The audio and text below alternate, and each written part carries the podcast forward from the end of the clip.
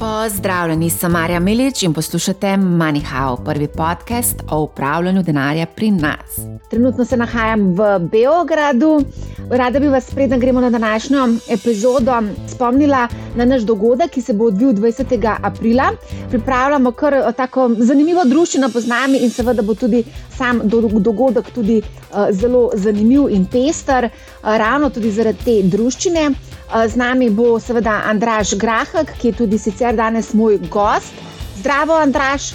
Živijo. Živijo. Jaz zdaj na hitro bom povedala, še kdo vse bo gost uh, našega dogodka 20.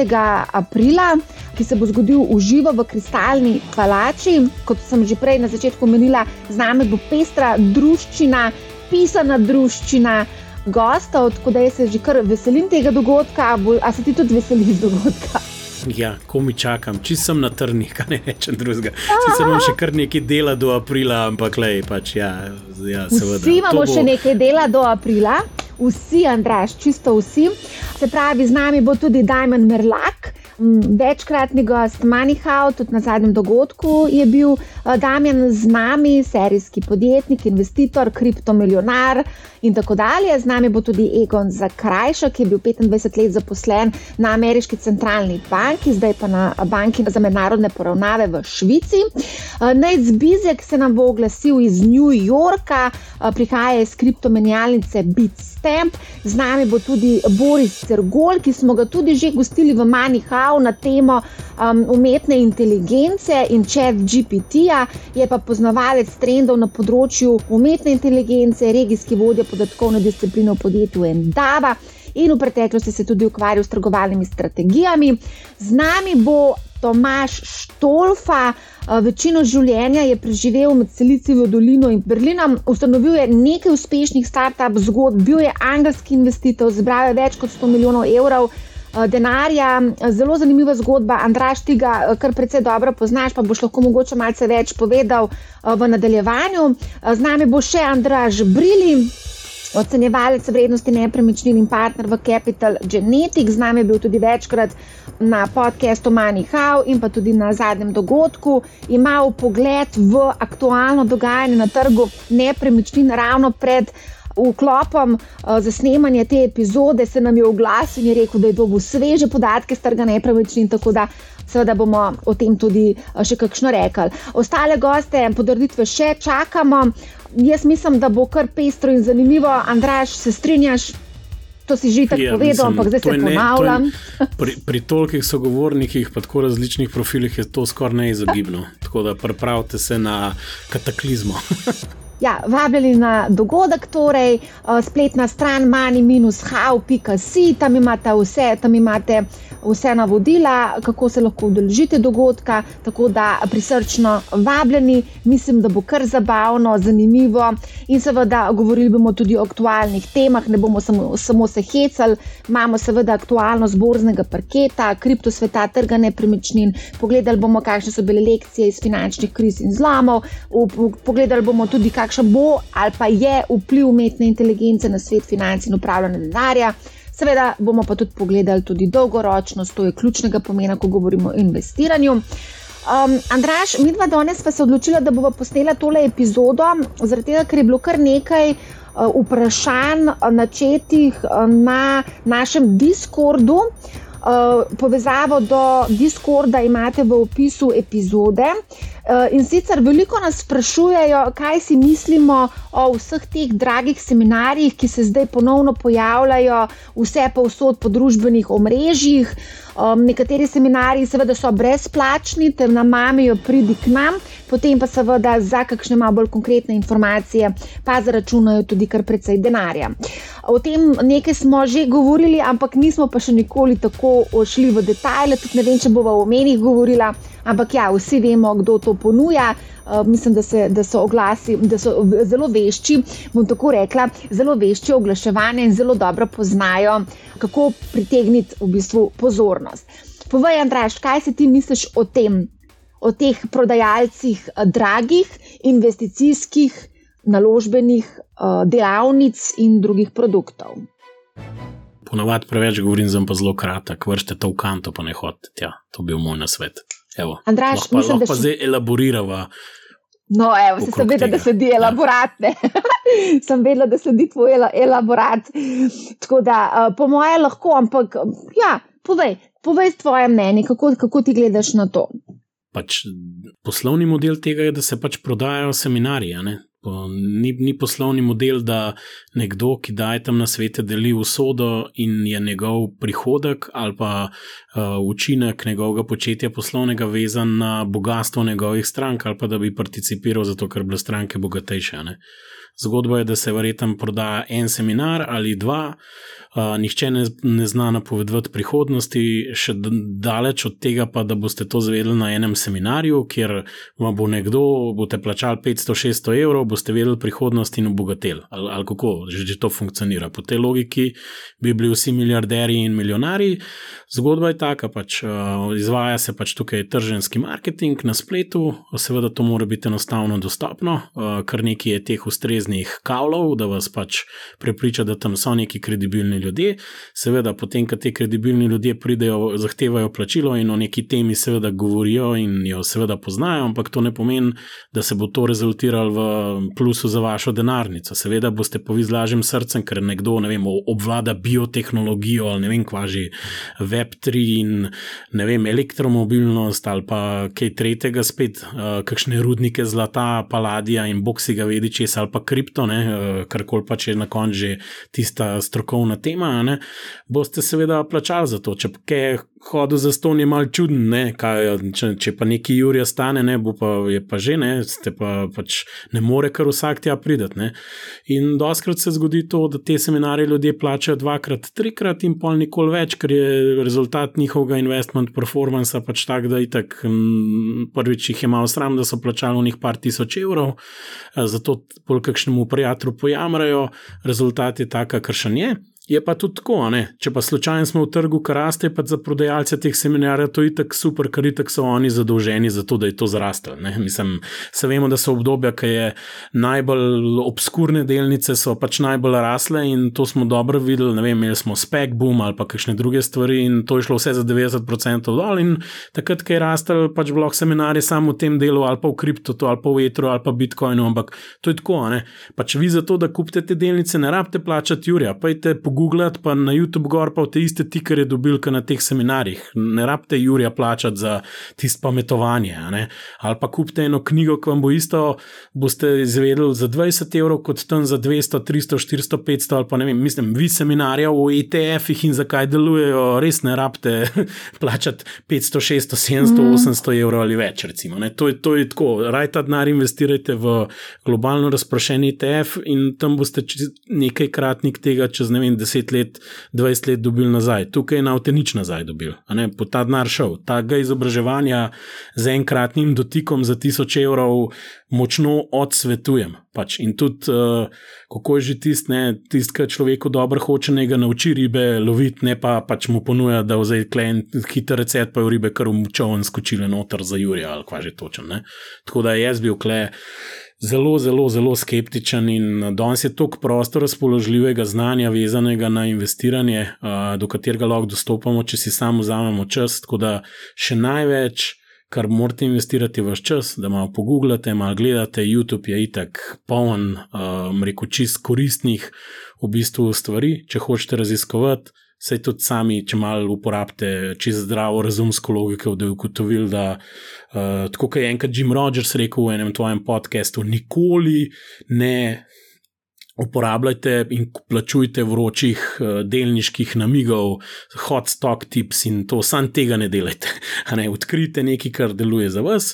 Najprej bolj enostavne stvari, kot je pa se počutili, da ne vem, se hočete naučiti kakšno delnico tudi analizirati, pa mogoče razumeti, zakaj ste jo kupili, takrat ste na pravi poti, ko vas to začne zanimati. In zato, ne vem, mogoče boljš kupiti izobraževanje pol na temo, kako se analizirajo delnice, ne kere naj kupam, da bom jaz obogatil, če, če že morate, ali pa sam zato imate knjige in videe in to res ne stane velik denarja, no, v bistvu, sam čas morate investirati. Tako kot vsako stvar, vožna kolesa, ne vem, kuhanje, karkoli, fitness, posod so iste fore, samo ljudje vsem prodajajo hitre bližnjice za 500 evrov in, in isto so te seminari, če čez isti šmoren, v bistvu. Ne? Um, ravno zdaj gledam tukaj na našem Discordu, kar precej so se nekateri razgovorili, kar se tega tiče. Um, ne, pač ja. Okrog tisoč evrov stane en tak potem seminar oziroma konkretne delavnice, ker dobiš tudi konkretne namige, katere delnice kupovati. To pa je lahko tudi zelo nevarno, ko govorimo o nekih konkretnih imenih oziroma podjetjih um, ker mogoče nima um, oseba, vsaka oseba je individuum in tudi samo investiranje je zelo individualno. In tudi nimamo vsi enakega nagnjenja k tveganju. To, to, to so stvari, ki jih je potrebno. Uh, po mojem, upoštevati, uh, pa tudi vsi nimamo toliko časa, da bi se ukvarjali potem z spremljanjem teh investicij. Je pa res, da mogoče obljubljajo te guruji investiranja, oziroma te, ki prodajo te delavnice, uh, da bodo to naredili na mesto nas. Ampak pod črto je pomembno um, prevzemanje odgovornosti. Um, ali ne. Zdaj, ko mi damo, recimo, denar v individualno upravljanje, uh, veljajo neka pravila, neki zakoni, neki, neki standardi, Eh, tukaj pa v bistvu nihče ne prevzema nikakršne odgovornosti. Vsak lahko v bistvu pove, naredi karkoli, zato zaračuna ATVP in drugi regulatori se tukaj ne bodo obregnili, tako kot se do zdaj še nikoli niso v take zgodbe, ampak mislim, da bi bil potreben nekakšen nadzor, ko govorimo o konkretnem investiranju, oziroma ko se prodajajo neki investicijski nasveti. In to konkretno je, čeprav če sem jaz dobro zasledila, se nekako ograjujejo od tega, da so to nasveti finančni, um, da, da v bistvu vsak potem ravna po svoji vesti, kar konec koncev uh, lahko rečemo, da je tudi res. Ne? Ti vedno na koncu spremeš sam odločitev in sam moraš stati za to odločitvijo, ki si jo sprejel, ali je zdaj dobra ali je slaba. Kaj ti misliš o tem, o konkretnih delnicah? Ja, da je to bullshit, čist simpel. In tudi, tudi v bistvu, ko imate tam analitike v Goldman Sachsu, pa, pa čekirajo, pa so skozi na klicih s temi uh, CFO-ji, pa CEO-ji, pa vse vejo, pa ne javne informacije imajo, pa vse živo, pa študirajo tistih bogih sedem delnic cel življenje, v resnici ne, pa ne znajo napovedati za dve leti naprej, kakšen bo donos. Ali vidite pa na enem seminarju za Jurija to zvedeli, ali kva že točen. Pa tistega, ki vam je te stok tipe dal, mu čisto vse mu je v tebi zaslužil denar ali ne. On je pokasiral cash in prodaja. Zdaj pa tukaj je točno tako, kot se rekla. Tukaj je neka regulacija naložbenih nasvetov, kdo to lahko počne, koliko mora biti kvalificiran, različne države imajo različne predpise. In zdaj te stvari so namenjene ravno temu, da naj bi pač tisti, ki to delajo, imeli neko moralno dožnost, da razložijo, kaj delajo, zakaj delajo da vse razmišljajo v korist svojih strank, da se izogibajo konfliktu interesov. Kva, primer vam dam. Ne? Če en prodaja nek produkt finančen, ne vem, sklad, trži delnico, obveznico, ne vem, ali pa kaj, svem kaj, ima neke koristi od tega in dobiva provizije od izdajatelja, in vam reče, prodajte vse in kupite tole, ker je najboljša stvar. Ne? In je to naredil samo zato, da bo potegnil 5-10 ali pa karkoli, pa če že na koncu odstotna provizija, ne, to je problem.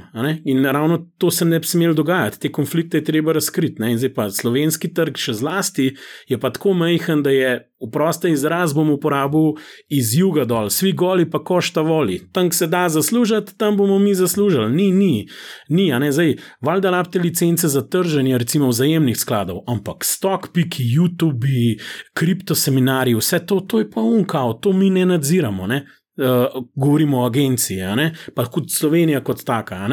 Vse na koncu bom pa tako rekel, iskreno povedano, jaz nisem čist prepričan, kaj sploh tisti na svet, ki ga vi potrebujete. Ker na svet, če iščete pet unih delnic, ki sem jih jaz na prtiček zelo vam napisal, to mogoče za me osebno velja, tudi če imam pet mojih top delnic, za naslednjih par mesecev pa se pa to lahko vse spremeni. Kako, kako bom jaz vam deset let napovedal, kater donos bo, pa jaz bom vmes prodal, vsnav zraven, to je brez veze, čist. Čist popolnoma brez veze. Lahko bi vam dal dostop do mojega portfelja, pa ga gledajte, to zgodba. Ne? Pa bo spet točen ta scena, jaz bom sprejemal drugačno tveganje, kot vi, in to bo samo vodilo to, da bo neki trade non-stop, tudi to se dela. Pokažem portfelj, neki tradem, tradem dve let, kam nimam jaz dobrega performansa, greste slediti nekomu drugmu in tam je spet cilj sam provizije nabirati. In pa ti ugotovili, da se obrne 2, 3, 4 krat vaš portfelj okrog in pač brokeri so veseli. Tako da tukaj. Doskrat je les izmor, stopiš malo nazaj, začneš pri čistih osnovah, Torej, narediš osnovo in vrčuješ na dolgi rok, in zato imamo stroškovno nizkocenovne in v bistvu, bomo tako rekel, zelo robustne ETF-e, ki jih večji ponudniki dajo, in to je vaš način, kako morate začeti vrčevati. Danes je ta dostop do trga nevreten, v bistvu, ful so nizki stroški, to lahko začnete delati. Ker se pa odločate, katero delnico ste kupili, boste pa nekaj časa, in tukaj govorim čisto iskreno, pojem, ne govorim o tednih, niti ne o mesecih, ampak let, mogli investirati, da boste začeli ugotavljati, kako boste vi ugotovili, katere delnice bodo premagale trg. Pa še pol ni garancije, da se bo to dogajalo. Ker pač tako je, to je težko, res je težko. In, in misliti, da, da boste šli kaj pa v en pet simbolov vam dal, to je brez veze tudi še en drug podatek, ki je tok teh seminarjev, kriptotrading, pa ne vem kakšen trading. Pač, kripto je samo še en finančni inštrument, v bistvu, s katerim se trguje, pogosto po, po tudi zelo na vzvod in druge stvari. Ne? Ravno centralna banka Indije je dala ven študijo, uh, ravno svežo, ne vem, kakšne par mesecev je stara, ki so analizirali, kakšne donose traderji na derivativih tam ustvarjajo na indijskem trgu. Kaj veste, da so vsi malo podivjani in tako tam trgujejo gor dol.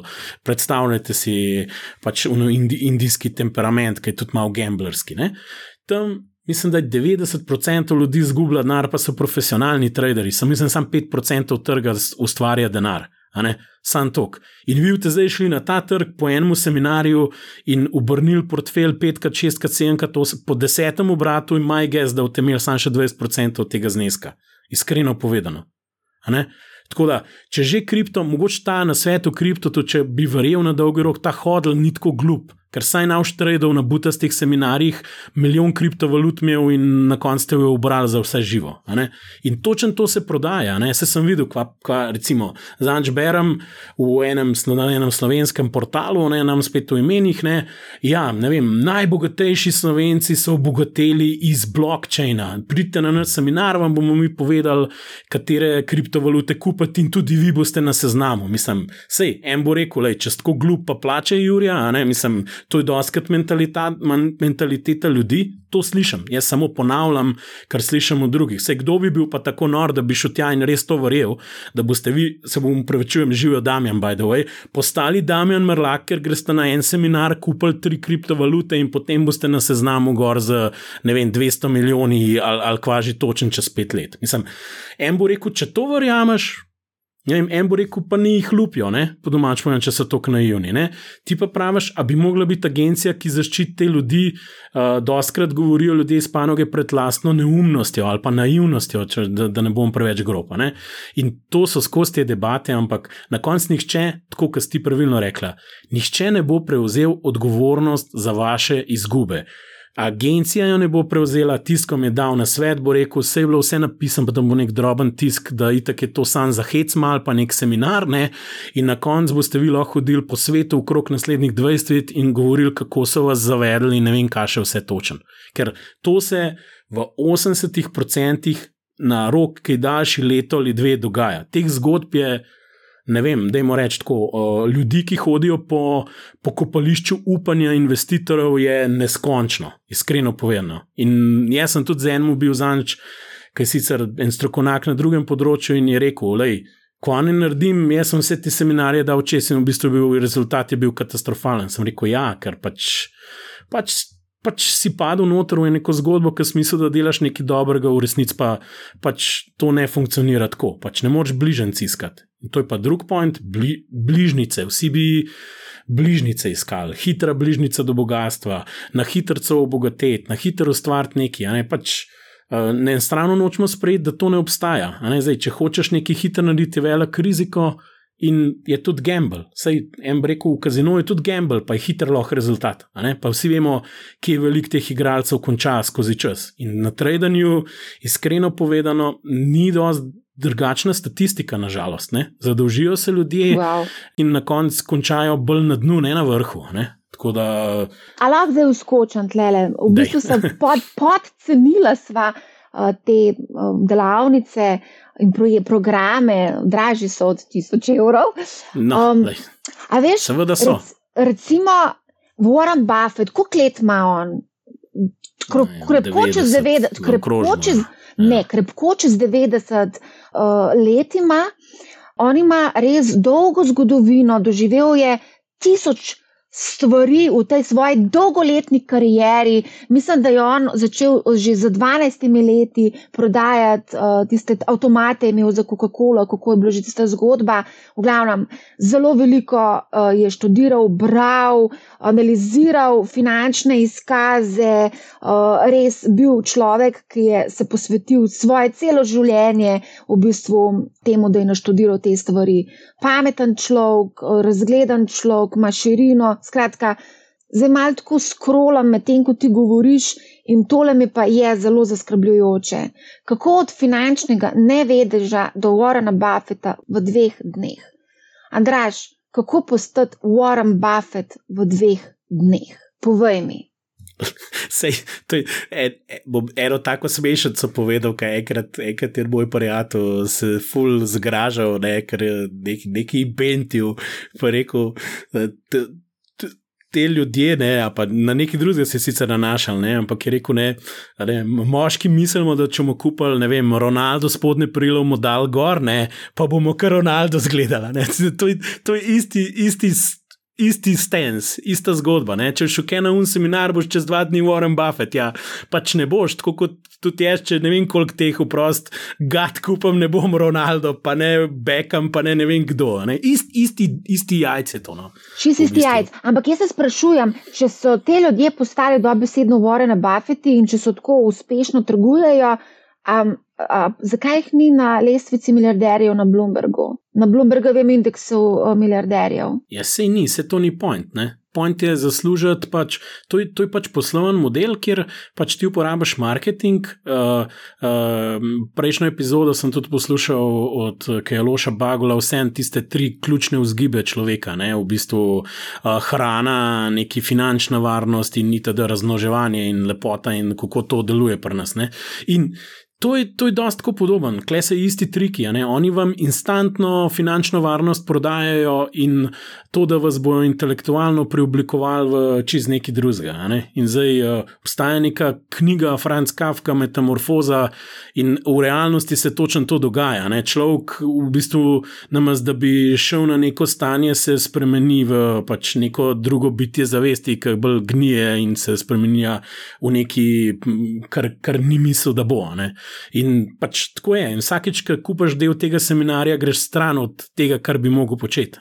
Tako da valjda pa to pali, ne? vsak bi bil rad Warren Buffett, vsak bi bil rad, ne vem, Damjan Mrlak in na lestvici slovenskih bogatašov, ali pa ne vem, kdo, kdo je pač še gor, se niti mi nima veze. Veš, in pač na to se igra. Vsi vemo, da je to bullshit. Ampak tukaj so statistike, x ljudi bo šlo naprej in je lijak, tukaj je funnel, se temu reče. Tukaj se konverzije gledajo po vsaki štengici, to, ki jih pogleda, to, ki jih klikne naprej, to, ki jih nahukamo, to, ki jih je firčnih, to, ki dejansko ne vem, misel, da je to neki, to, ki vpraša frendek, so to kupili, ki sploh ne vejo, kaj jih čaka in, in, in gremo dalje. Ne? In v bistvu tukaj se prodajajo sanje na nek način. To se to je čisti, to je čisti bullshit. Kar je zanimivo, recimo, da imamo iti malo na strokoven del, da imamo samo neki rohnel, pa bruha logna. Ne? Recimo uh, CFA, uh, to je pač uh, Chartered Financial Analyst naziv, ki ga pač inštitut um, um, v bistvu rekel, podeljuje in to moš narediti nek tri leta, najmanj raba za to. Večina jih tudi pade na teh izpitih enkrat ali dvakrat, ampak skozi čas je to nek uveljavljen naziv. Uh, ki ga imajo ljudje kot in preko profesionalci v upravljanju premoženja in finančnih storitvah. In uh, v bistvu uh, point je to, ne, da tam recimo je ena izmed stvari, ki se uči, so tako imenovani Global Investment Performance Standards. To pomeni, kako moraš ti. Ko neka inštitucija preverja tvojo zgodovino za nazaj, kako dobro si ti investicije v bistvu izvrševal, ne, ali glede na indeks ali karkoli, predpisuje, kako moš prikazovati to zgodovino, zato da se lahko donosi med sabo primerjajo različnih strategij. Ker pri nekaterih je pomembno, ali si to s 5000 evri naredil, ali s 50 milijoni, ali pa 50 milijardami. Pač važen je, kako to počneš. No, pri teh seminarjih, enkrat v lifeu, te ljudje nikoli nimajo. Open kimono razkritja za nazaj, preverjeno, revidirano, kakšen donos so njihove strategije naredile v zadnjih desetih letih. A njihova trditev, da boste vi postali Warren Buffett v dveh dneh, vsi vemo, da je zavajajoča, ker to bi pomenilo, da bi vi morali biti vredni, ne vem, koliko ima zdaj Buffett točno vrednost premoženja za leta trenutek, ne vem, 40 milijard ali karkoli pa že je dolarjev ali 100, se sploh vem, ne, iskreno povedano. In to vemo, da je, da je laž, to je enostavno laž. In zdaj to je dokazljivo laž in to se nam zgodil. In to ni problem. Tukaj mora biti pa iskrena, to je povedal eden od udeležencev je dal testimonial iz Javora. Seveda je bil udeleženc. A, a ste brali kdaj, ne vem, kaj je že v roman, ne vem, ciklaman in agitator. Pač. Na vsakem shodu je pet agitatorjev, ki trdijo, da se oni počutijo kot Warren Buffett. Tako kot je šest žensk ali pa moških, ki pravijo, da imajo take mišice kot Schwarzenegger ali pa vprost tako postavo, kot je svin, kva, Gizel Bunčen. Ko sem to pojedla, sem ratala to. Ko sem dvignil te dve uteži, sem ratal to. Ja, kaj pa bo drugega? Te testimonial so tudi vse fake, kot so te trditve okrog produkt, produkta. Ja, Zdaj, dam sam primerjavo. Recimo, uh, velike aplikacije, ki se nanašajo ravno na to, na fitness, na recimo mentalno zdravje, mental uh, health uh, in, in take stvari. In tukaj se je pri startupih začelo dogajati, da so zahtevali, uh, bom tako rekel, investitorji, da se klinične, neke oblike kliničnih študij začnejo delati na raznih Harvardih, Stanfordih, če deluje, recimo, ne vem, imaš mindfulness ape, kot so Calm, pa take stvari. Ne, če to res pomeni, pomirja in so ljudje bolj produktivni. In ti moš plačati, ne vem, x milijonov dolarjev samo za prve rezultate, ko imaš dve tesne skupine, does it really move the needle, če jaz poslušam Matthew McConaughey, da me uspava zvečer ali kvaži točen. Klele, ki pa en trdi, postal boste Warren Buffett ali pa ne vem, dal boš gor spodnje perilo, pa se boš počutil kot Ronaldo, ja, mislim, ja, ok, v redu. In tega ni, to, to ni, checks and balances ni, to je brez veze, to je čist. Klej se lahko spomnimo, kar, kar kol hočeva, pa bo potržila. Ja. Okay. No, dobro, ni poanta, manjhav, trženje ali pa kar koli, ampak je dejansko res. Ne, pravim, če delava tak produkt. Vem, vem, vem. Ja. Ampak tukaj bi vsem rada povdarila, da pač to ne počnemo tukaj. Pač poanta manjhav je finančno pismenjevanje, pa v bistvu, da delimo to neko širino, da si ljudje mogoče potem lahko sami pomagajo, ne rabijo plačati 1000-1500 evrov za te zgodbe. Na ETF ne rabite 1500 evrov ETF, ki vas zelo malo stane in boste nekaj um, dobili za penzijo nazaj in to je to, ne za te et, butaste seminarje. Uh, Okay. Seznam ETF-ov, teh, ki smo jih mi predlagali za posamezne um, regije, panoge, je tudi objavljeno na mani-how.com v blogu, tako da tudi tam vse te informacije dobite. A se gremo mogoče dotakniti teh pet zlatih investicijskih nasvetov od Warrena Buffeta? To je bil nedavno objavljen na LinkedIn-u en post, Charles Henry M kako mu je ime, Mončal, Minhal. Me ne znamo izgovoriti, ja, se vem. Minhal ja. je objavil in recimo, a greva kar po vrst. To se no, mi zdi, da, da slišimo, se, se jih sploh ne spomnim, greva one by one. Dejmo. One by one. Ja. Invest in what you understand. Torej, investiraj v tisto, kar razumeš. To je res tista basic, basic osnovno pravilo. A je tako? Ja, je res. In v bistvu ETF je full simple razumeti. Kupili ste košarico 500 največjih firm na planetu in od njihovih dividend in rasti boste imeli koristi, pa indeks provider, če v kakšna zaškripal, bo dal boljšo firmo not. Torej, kupili ste jabolka in jabolka se ve zmer prodajala. Ok, gremo, da razumemo vsi, a je res, ne, ne rabimo biti uh, uh, geniji ali karkoli. Uh, če pa druga stvar, ne, če grem pa posamečno delnico kupiti, moram pa tudi razumeti, ne, kaj vpliva na to podjetje, ali jo kupujem zaradi dividende, ali jo kupujem zaradi tega, ker bo rastel, ali če bo šla obrestne mere na gor, bo šla 50% dol, kar ima full puffov, recimo, pa, pa, pa, pa mogoče nav preživela, pač moč razumeti. Tako da ja, kljub ja, temu. Tukaj bom pa jaz nekaj povedala.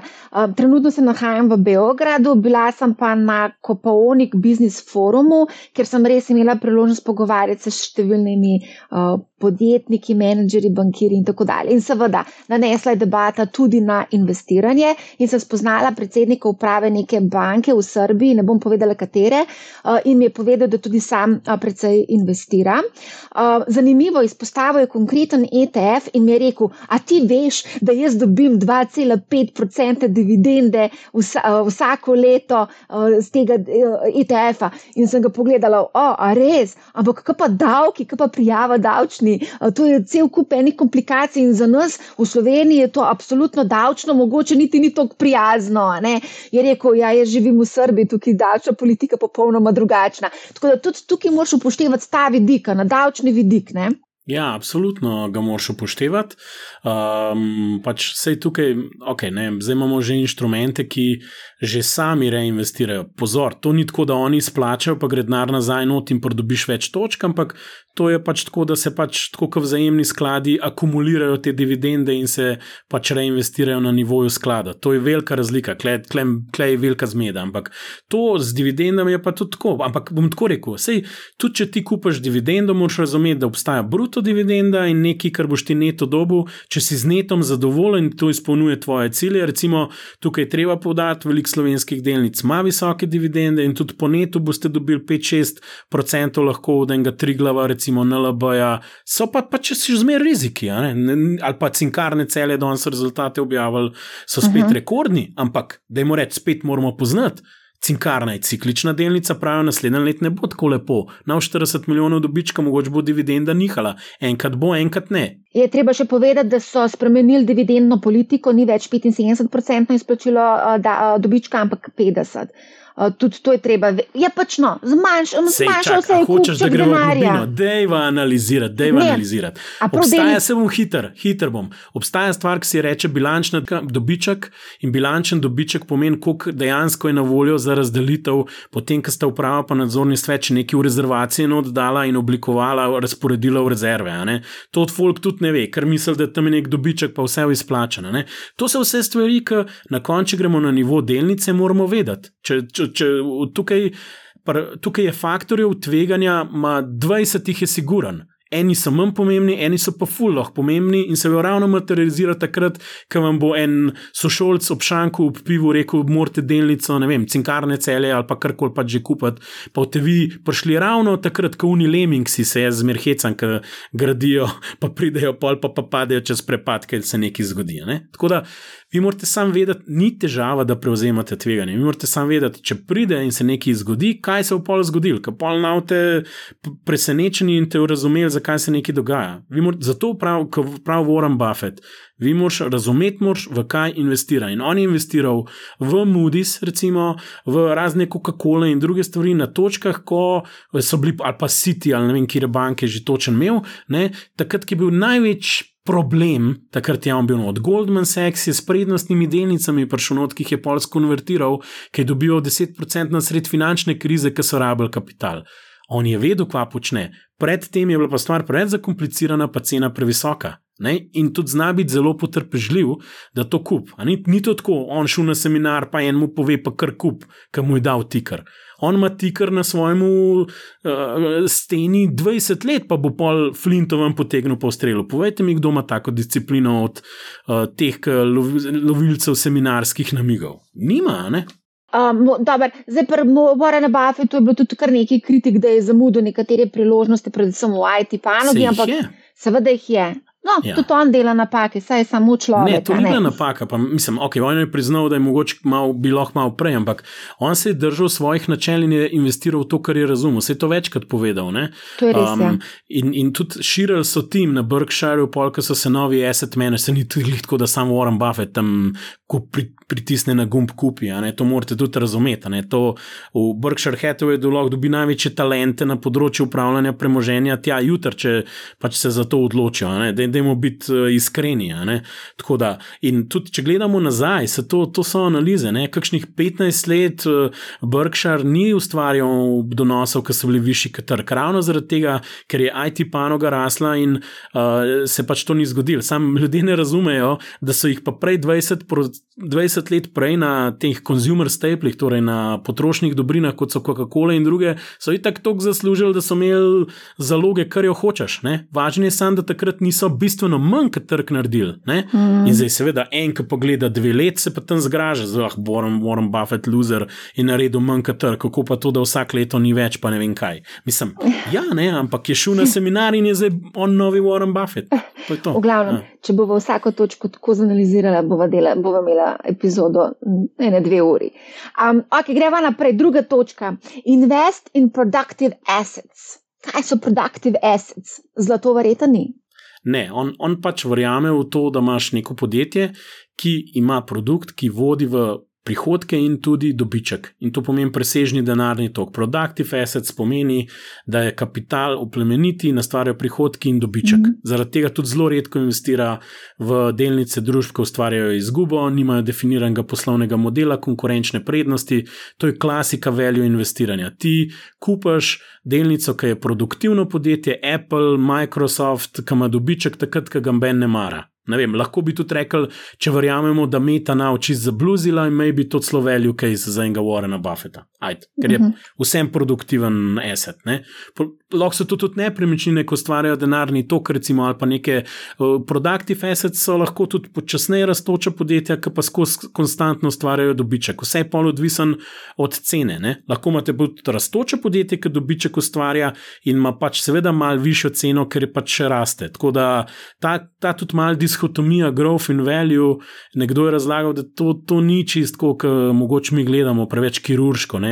Nekaj, kar raste, je vel, growth, nekaj, kar ne raste, pa ima dobiček, je pa veljo. Ni glih tako. Ne? V bistvu idealno je, da ti ugotoviš firmo, ki bo reinvestirala kapital in z enakimi nekimi stabilnimi maržami uspela rasti. Primeri so bili, če hočete, Apple, Microsoft, to so bili vse kajsi, ki so v bistvu zaradi rasti ratali to, kar so, tudi uh, pa njihove uteži. Mhm. Je pa neka druga stvar, je pa Tesla. Ne? Tesla pa ni imela stabilnega dobička, recimo. To pa tam pa Warrena Buffeta nismo še videli, not, ker je bilo prezgodaj, mogoče za njega. Sej on pravi, če imam firmo, ki je v sto let živela, pa skozi rasla, se ni treba mi prvo peto leto jo kupiti. Lahko jo kupam po 15 letih, ki bo en misel, da nav preživela, pa jim takrat kupil. In tako je on tudi v Moody's noto stopil, recimo. Ne? Ok, cash is a bad investment. Mogoče tukaj sam eno zadevo, včeraj se mi je zdelo ful fascinantno, ko sem se pogovarjala, sem naredila en intervju z enim, še z enim predsednikom uprave eh, banke, eh, ki je dejal, Uh, depoziti so zelo profitabilni za banko, če zdaj, ne vem, zakaj bi to padalo na pamet, ampak ja, cash is bad investment, mogoče gremo kar na cash is bad investment. Dejansko zaradi povišene inflacije trenutno res lahko rečemo, da je zelo bad investment, ker pač uh, inflacija ti odžira v bistvu uh, vrednost denarja. Kupček se ti manjša ravno zaradi inflacije in če govorimo o dolgoročnem investiranju, je to ključna, ključna stvar, ki je pogosto tudi prezrta. Prav tako so tudi stroški razni, uh, s katerimi so obremenjene naše uh, investicije, pogosto prezrte, ki pa prav tako v bistvu nažrejo v bistvu naše donose. A je tako? Ja, absolutno. Vse, če cash leži, pa je inflacija, pol vsi vemo, kaj je realno rata iz tega zneska v stotih letih. Pač, pri tem mač je miniskul, realna vrednost skupna tega. Ne. To je ena stvar. Druga stvar je pa to, kar je pač popolnoma jasno, da če imaš dolgoročen horizont in, in si potrpežljiv investitor, kar in Warren Buffett in Charlie, Charlie Munger fanatično in strastno sta, se jih vidimo, da pr 92 je star Warren Buffett, sem preveril umestne še vedno delata to, kar delata. To pomeni, da sta pripravljena zelo, zelo dolgo čakati, da se jo materializirali donosi. In veste, da je tam riziko, ampak na dolgi rok, v resnici na dolgi rok, pri ta pravih blučipih, tega rizika v osnovi sploh ni.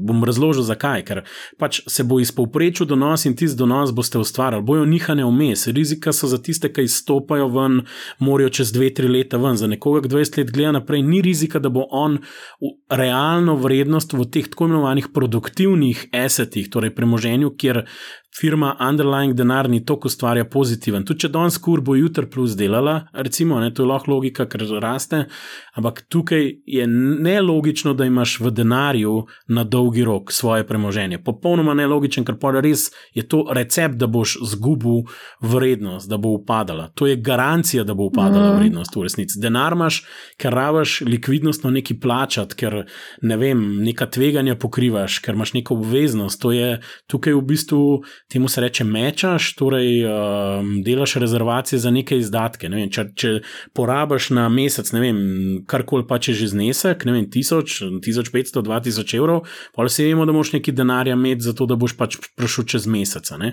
Da in to je, zato rabiš likvidnost in denar.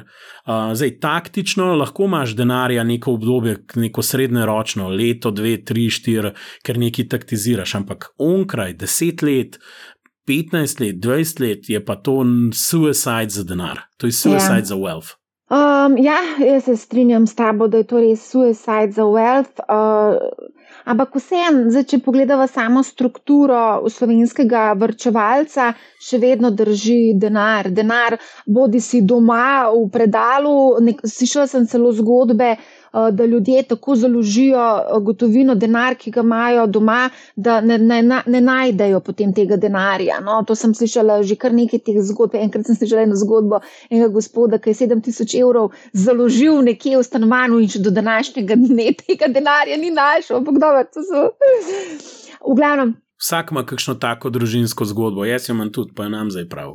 Katera pa je, da povej, za me pa prozornijo? Ja, družinska zgodba je, da je moj stari, uh, stari oče, ki je seveda pokojen, ne, um, enkrat kupil zlato in ga je nekam skril, ne, mislim, in, in pač nekako ni uspel artikulirati, kje to je. Ne. In uh, pač družina to pomeni, pač, vem, moja mama, strici, pač njegovi sinovi in, in hčere.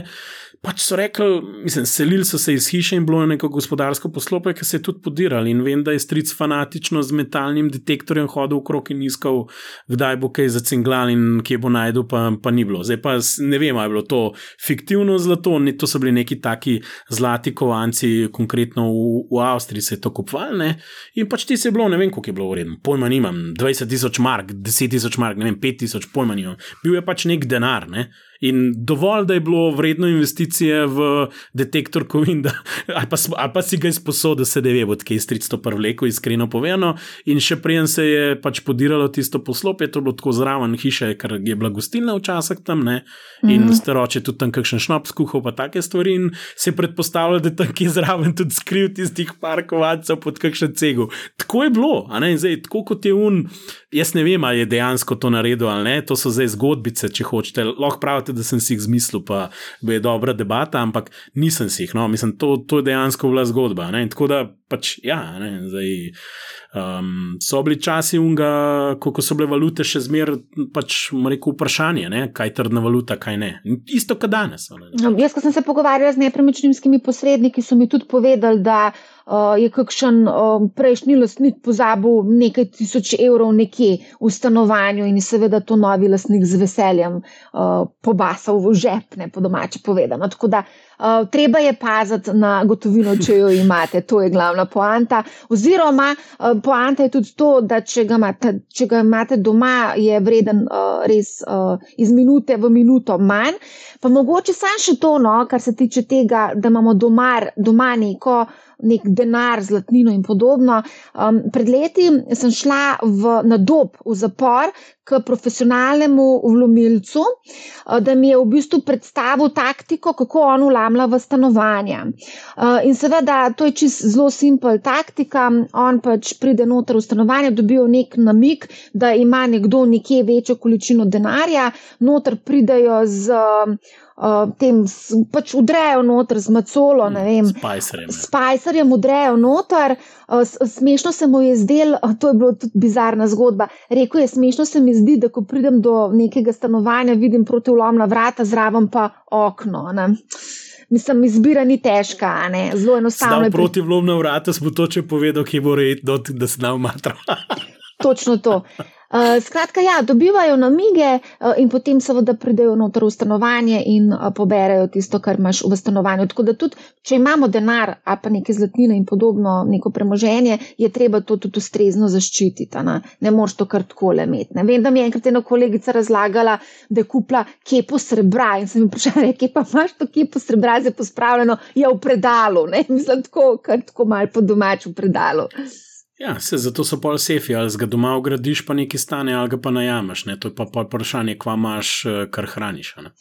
Ok, greva naprej. Četrta točka ima samo še dve. In sicer, too much diversification is not good.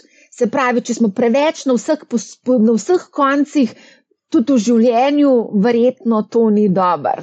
Ja, to izhaja iz njegovega prepričanja in samozavesti, da je sposoben najti produktivne naložbe, ki bojo lahko prinesle več kot da jim reč trg ali pa več kot Blue Chipi ali pa več kot SP, na dolgi rok, ne govorimo, ne, ne zdaj na en let ali dva. In uh, tukaj je to velja, če ste vi neke veščine pridobili, ker konsistentno to lahko počnete. In lahko je Warren Buffett tukaj biti pameten za njegovim track recordom, vse tisti, ki začenjajo, pa jaz rekel, začnite pri diverzifikaciju, ratejte pameten, postanite Warren Buffett skozi čas, ko ste občutili, da ste na dobri poti, začnite s prvimi naložbami. In, in njegova logika je, ko veš, da si prepričan, da je nekaj prava stvar, neka delnica, ne, se ne boj iti in ojo obtežiti bistveno, pač rekel, konkretno investirati v neko stvar. Ne? Sam ne, ne, ne na seminarju, prosim. ne, Lahko bi, to... ne, Andraš, ne razumeš, ti te enoč jasen. Ti lahko diverzificiraš tudi število seminarjev, mal greš ke, mal ke, mal ke, mal ke, in pa imaš na deset seminarjev, sicer prvo vsakem upamo, da nam da nam že zapravo tisoč evrov, ker pa imaš lahko deset tisoč evrov, investiraš v izobraževanje in potem žanješ, um, žanješ, sam žanješ, pika. Sam žanješ. Pač, ne, pride ripar, pa te pokosi, pa, pa si ti žetev. Tako da, lej, to, je, to je to. Ja, tudi, no, ja. to, tudi to gre. Ja. Skratka, gremo naprej. To je najbolj pomembna stvar, eh, ki je seveda pogosto, se vsi zavedamo, ampak potem tudi uh, uh, pozabimo, takrat, ko je najbolj treba vklopiti uh, pač ta senzor. Avoid herd mentality, čredne, čredna miselnost, uh, se pravi miselnost črede. Ja, ja, mislim kaj pa nekaj rečem. Ja, ja nač, če, če pri frizerju slišiš, da ti govorijo o nekih super naložbenih priložnostih, je verjetno že uh, to postalo prenevarno, da greš v neko zgodbo, predvidevam. Če pride do te debate v gostilnah in pri, v frizerskih salonih, predvidevam. Ne? Ja, sej, sej te seminari so na istem nivoju, pač zmer the next hot thing dajo noter, to, kar se govori po kavarnah, fitnesih in karkoli dol, in v bistvu galvanizirajo in ojačajo čredno mentaliteto. Točno tako. Zdaj, tukaj pa pol mal zgodba. Ne, jaz bom tako rekel, so tudi strategije, ki gradijo na čredni mentaliteti, a ne temu se reče momentum trading, ki se nekaj začne premikati in folk tam dere denar noter. Se, mislim, se smo imeli te zgodbe v končni fazi na GameStopih in podobnih stvareh. To, to je bilo točno to. Pa če si ti ta pravi trenutek not prišel, prišel s tem hrdom noter in ti zaslužil se umaknil ven. In vsi zmer operirajo, da so bolj pametni, kot una, un prost, uboga duša, ki bo pač ostala zunaj vrečo tam brezveznih delnic. Ne? In pač to se dela, ampak na dolgi dolgi rok, da všti zadev, vsakič to ušitek na koncu spet končal tam, sem rekel, nek na dnu. Ne? Tako da tega se moraš izogibati in enostavno delaš stvari, ki za te delujejo. Zdaj, za me osebno to ni bil problem nikoli, že ko smo bili mladi, smo bili dosta marginalizirani, alternativno musko smo poslušali, ker so trendi muske prehajali gor dol, smo bili še zmeraj isto nabijali. Tako da meni je to zelo blizu biti neki in reči, mogoče tudi mal biti upornik in kljubovati tem trendom in se ne podrediti nekim uh, mainstream trendom, ki se pušajo. Zdaj, zato že v osnovi sem kontrarijan. Ta zgodba ne biti, ne iti za, za, za čredo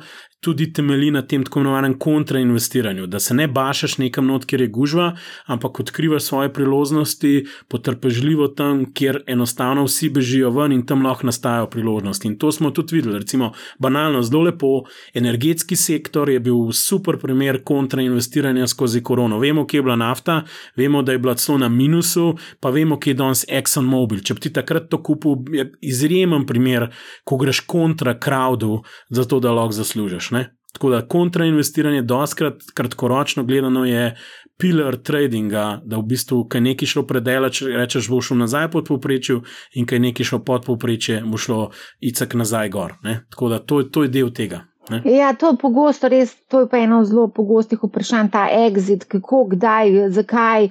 Ne, se mi zdi, da ko enkrat raste, raste, raste, da ljudje zelo težko rečejo, ok, zdaj bom pa jaz, na, ne vem, ko pride do nekega nivoja, vse skupaj prodal. Ne? Ker vedno obstaja uno, kaj pa če bo šlo še gor. Ne? In tista psihologija, v bistvu je investiranje tudi mal psihološka igra. Ne? Sam sabo se mal fajtaš, na pohleb imaš unga angelčka, pa hudička, na pohleb pa uh, strah, ne? te skozi neki. Um, uh, kako bi rekla, preganja. No? Ja, ja. Emoc emocionalno, v bistvu emocionalen layer igra vlogo pri sprejemanju odločitev. Ne?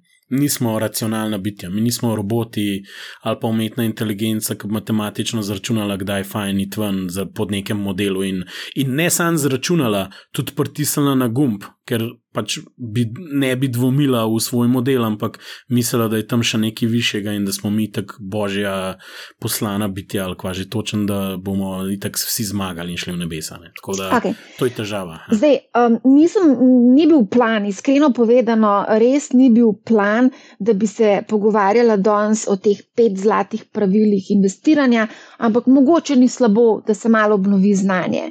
Um, bila je pa tudi en povod za to debato, ne samo pač te delavnice, uh, ki so se kar pojavile, pa neki ljudje. Jaz sem že koliko, ne 15-20 let v tej panogi, spremljam dogajanje za nekatere ljudi, moram iskreno povedati, kot novinar, ki pokriva to področje. Uh, Res nisem slišala, no, nikoli, do pred kratkim. Ne.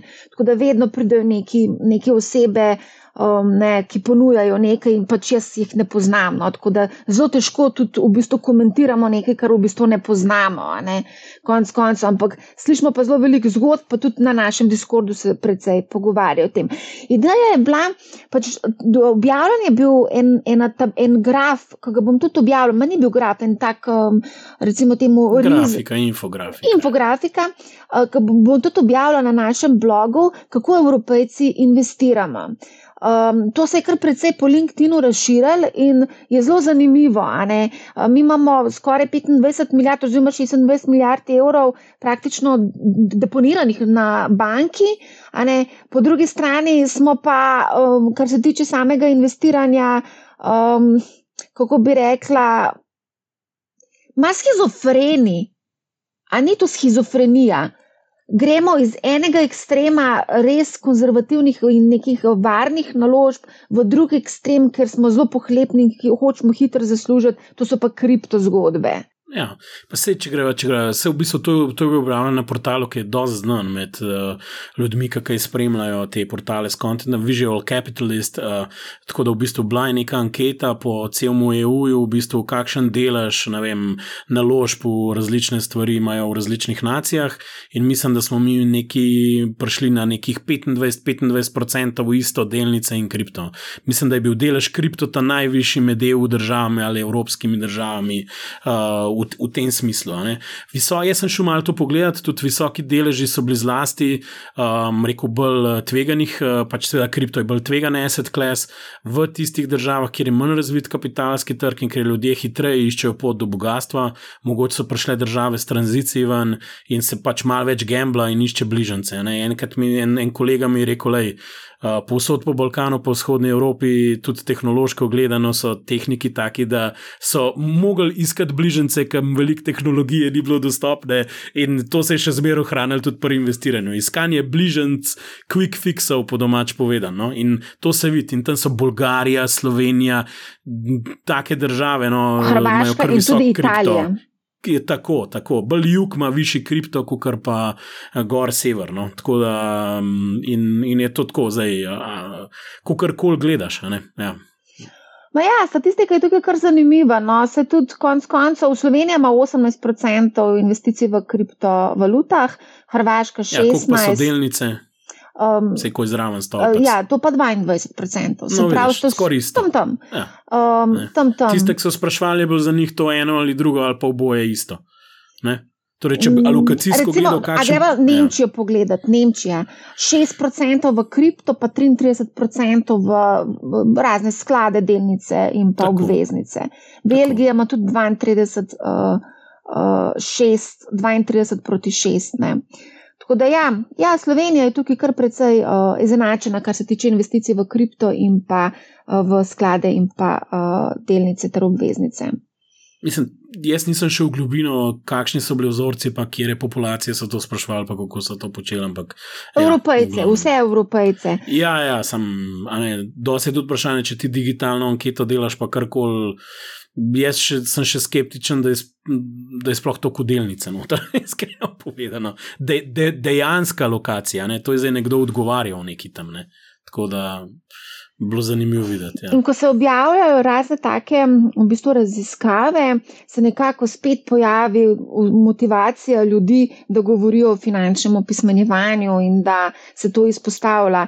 Bila sem, kot rečeno, na tem kupovniku eh, Business Forum, ker je bila tudi ena učiteljica povabljena med eh, govorci in mi je bilo ful zanimivo to, da je eh, v bistvu povedala, kako ona uči matematiko, da je poskušala matematiko predstaviti na čim bolj praktičen način in to se tukaj v Srbiji dogaja. Ne? Se pravi, kako, kaj pomeni obrestno obrestni račun ne? in to se učijo pri njej.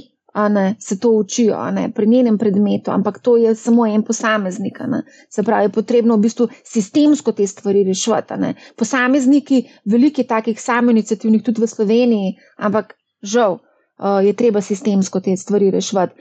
In ja, vsakeč, ko pridejo te razne ankete in razne raziskave, takrat se pojavijo te, o, moramo nekaj narediti. Čeprav zdaj se tudi pri nas v Sloveniji nekaj dogaja, kar se tiče finančnega opismenjevanja, so se prebudili nekatere. Inštitucije Vsi so se prebudili, Marja, iskreno povedano. Ja, so se, ja. res so se prebudili, so se in spet. Zdi se mi, da je to videl. Uh, raz, razodetje je bil in vsi so ugotovili, da bi zdaj to radi počeli, iskreno. In pričakujte, da tega bo toliko, da se ven na avte videli. Iskre, iskreno povedano, mislim, tako. Jaz še zmeraj mislim, da tukaj marsikesa se ne razume, ko se dela to finančno opismenjevanje. Misel, da, da, da pač narediš ti naslednje dva seminarja, malo ne ljudi, malo povabiš, nekaj govoriš in pa je bilo to. to smo, v bistvu bomo financial literacy washing delali, uh, iskreno povedano. Tako je, tako je, to vidim. Um, videl sem tudi, uh, objavljena je bila ta strategija vlade o trgu kapitala v Sloveniji, to je tam tudi neka tema. Spet je, ne vem, deset inštitucij, ki so razpravljali 90% časa o tem, kako jo ljudje izobraževali. Pa sem videl nekaj najbolj obskurnega tam notku v življenju, tako zadnje čase me neč sploh več ne preseneti, kaj berem. In sicer se bojo bojda izobraževali finančno-finančni direktori. To je bilo za me tako, mislim. Ko so jo pa oni finančno upismenjevali, mislim, sorry, kva so sploh um. tam, če noč ne znajo. Ne govorimo o kapitalskem trgu, prost, mislim. A ja, lej, da, no, če je kapitalski cela, mogoče, ja. to, je cela, to je cela schema, da bomo najprej mi izobrazili strokovnjake, finančno pismeni, pa bomo pa še šli na nivo tako imenovanega prebivalstva, kjer bomo spet. Ja, S tem, da je še ekstra projekti, so, če smo že glih pri tem in to tudi veš, ker se bolj da javni sektor upolnomočil z nekim finančnim opismenjevanjem, kjer še zmer ne vejo ljudje, kaj točno se je opismenil. A je pa res, da je EU veliko sredstev klenoter predvidela in kaj je lepšega, kam imeti projekt, ki na evropskih sredstvih laufa. In, in, in pač tako je. In zdaj, na koncu rečeš, da je dobro, da se premika, ampak uh, to smo zmeraj še zelo trajali, ne error, kaj le kva se dogaja. Jaz mislim, ne. da je to vse dobro za posameznika, da dobi lahko informacije iz različnih koncev. To je vse dobro, konkurenca je dobra, prinaša v bistvu, mislim, konkurenca. Tako zdaj gledam tudi z vidika, z drugih aspektov, ne, ko gledamo, ne, je vse je v redu, da prinese v bistvu posamezniku več informacij, več možnosti, da se izobrazi, več možnosti, da se obrne nekam. Ne. To je vse super in prav. Um, tako da tako se opismenjuje v bistvu uh, naša država in mislim, da je, tem, da je prav tako. Si, a sem jaz lahko bolj kritičen, kakšen je pa moj pogled? Evo, jaz sem mal alternativc, ne? vedno sem bil in zmer sem bolj contrarian. Ne? Jaz verjamem v learning by doing, danes je learning by doing izjemno enostaven, uh, imate toliko digitalnih tulov, so full simple, začnite z manjšimi zneski, začnite vrčevati in se upismenjujte, learning as you go. Ne rabite najprej tri mesece hoditi na neke osnove, da boste nekaj razumeli imeli, pač vzemite tisti brezvezen app, sklenite vrčevalni načrt 50 evrov in se učite zraven. In tako simpel je danes to postal. In vsi ti ljudje bojo, ne vem, zdaj filozofirali dve leti, preden boste vi prišli do točke, ki boste vzeli v roko svoj pameten telefon in, in, in a veš, ne, sorry, tako je, pač dej bodimo aktivni, bodimo aktivni, ne čakati, da vzaj nek seminar tam en nam dal za ston, pa se bomo spet uvrstili, kot upokojenci za bonus, tak, kdo šel na un seminar po možnosti. Meni je to tako, pač let's just do it, nič nas ne ovira. Vstopni stroški za izobraževanje so full nizki, informacije full, sam bodite aktivni. Vstopni stroški za izobraževanje so fulj nizki. Uh, to pomeni, pomen, govoriva, zdaj ne govoriva o teh dragih seminarjih, ampak govoriva, da je dejansko nam vse praktično napladno ponujeno. Tudi manjha, konc koncev, je brezplačeno. Ne? Na YouTubu imaš cel kup brezplačno vsebine, ki je dobra. Ja. Investopedija, investopedija, res da je v angleščini, ampak tam imaš izredno veliko koristnih informacij, Google Translate pa tudi relativno ok prevede. A smem biti zelo direkt? A pa DeepL, lahko uporabljate mislim, tudi DeepL. Jaz ne razumem, kako bomo mi finančno izobraževanje sešli, brez da pač poznamo en globalen jezik. Zdaj, trenutno je to angliščina, če, če tega ne znate, pač investirate v tečaj angliščine, rajka Undrak seminar. Sorry, to je moj nasvet. Ker boste toliko širši krok imeli dostopa do znanja in te lahko mrske več prebrali in to je del osebne rasti. Pa nič ne podcenjujem. Normalno, če nekdo jezika ne zna, se, se ga lahko naučite. Se jaz tudi ne znam, kakšen jezik, pa bi si mogoče mogel vzeti cajt, da se ga naučim. Bi mi tudi koristil. Isto meni, kot kar mogoče vam, če danes angliščine, saj te osnovne pač mogoče mislite, da ne vladate dovolj dobro. Tako da jaz bi rekel, re, re, res ne z vsemi temi urodji. Tudi, recimo, več čestirali smo čat GPT, pa te stvari. Mislim, tam se už na koncu pogovarjamo vsebino, povej mi, kako se nekaj dela, kako pametni ljudje investirajo. A mi bomo pa kurikulume pisali naprej in ne vem kaj, naš otroci pa s tremi kliki na YouTubu, na čat GPT-u, vedeli tako že petkrat več, preden bojo te učbeniki spisani, bo že čist svet drugačen. In to, to se mi zdi, to, to, ne vem, kdo je to razlagal, je bil Gary V. Se mi zdi, da je cel koncept izobraževanja v bistvu disruptiran z tem internetom. Če mi živimo v 80-ih letih učbenikov in kako se to dela, jaz razumem, da je to stroka didaktično in ko ti znanje podajaš in vse to. Ampak če ti tega ne upoštevaš, pa ti si dinozaver tam noter in kuraš denar javen za stvari, ki jo imeli full mehen učinek po mojem, de facto na koncu. Bojo lepe slike, ali jo tam otroci, ali jo mladi, ali jo pen, penzionisti, ampak to bo pol samo sebi namen, ne bo real life učinkov, nič manj depozitov, ne bo pa nič več skladov zaradi tega. To je moje mnenje. Ja. Če boš tako delal, če boš naredil nekaj, kar bojo ljudje. Se engageal, to pomeni, dejansko šli te tečaje, mogli biti odprli ste račun in kupili ste prvo delnico. Vidite, kako je to enostavno. Vem, če, da ta strah prebrodiš tako dobesedno mogli biti. Ja. Upajmo, da bo. Upajmo, da bo. Ne? Upajmo, da bo. Okay. Uh, ja. Kaj smo zdaj? Ne vem, zdaj, tlele, zdaj sem mislila, da bomo mi dva danes malo po našem diskurdu pogledala, kaj ljudi uh, zanima. Uh, zelo veliko je vprašanj, ampak zdaj se pa že eno uro pogovarjava, tako da mogoče pa o našem diskurdu in vprašanjih, ki jih imajo naši uh, člani tega nek ni to ni klub, to je kanal, server. Skupnosti. Um, skupnost, manjhav skupnost. Recimo. Tako da bomo drugič malo to obdelali. To zahteva posebno epizodo, po mojem, QA. QA več, ja. več ljudi, ki odgovarja na to, bilo tudi fajn. K, a jaz sem čak malo, se imamo na dogodku, tudi lahko, mislim, bomo imeli QA. Tam imamo AMU ali kako imamo že AS. Ask as, me anything. Ask us, ask us anything. Us. Aua. Aua. Če se hočete iti, aua. Pustite vprašanje na Discordu in pol bo za nas aua. Andraš, veš, kaj bo rekel, da smo totalno norda. aua. Jelej, aua. Aua. Jaz mislim, da je čas, da zaključimo tole debato, če ne bo predolg, preveč časa, traja se skupaj za editiranje. Nač, hvala lepa, da si bil gost Mani Hau. Z veseljem. Uh, vidimo se seveda na dogodku 20. aprila. Ja, dragi poslušalci in gledalci, upam, da vam je bila epizoda všeč. Če ne, vam bo pa mogoče druga, da se hecam. ali pa vam nikoli ne bo, pa je tudi v redu, ni panike. Ali pa vam nikoli ne bo. Ne, seveda jim bo, no, kakšno jim bo pa že všeč, no, kam on. Kakšen mu? enemu, dvema. Fajn se majte v glavnem. V glavnem, ja, poslušajte manjhav, ne bo vam žal in lep pozdrav.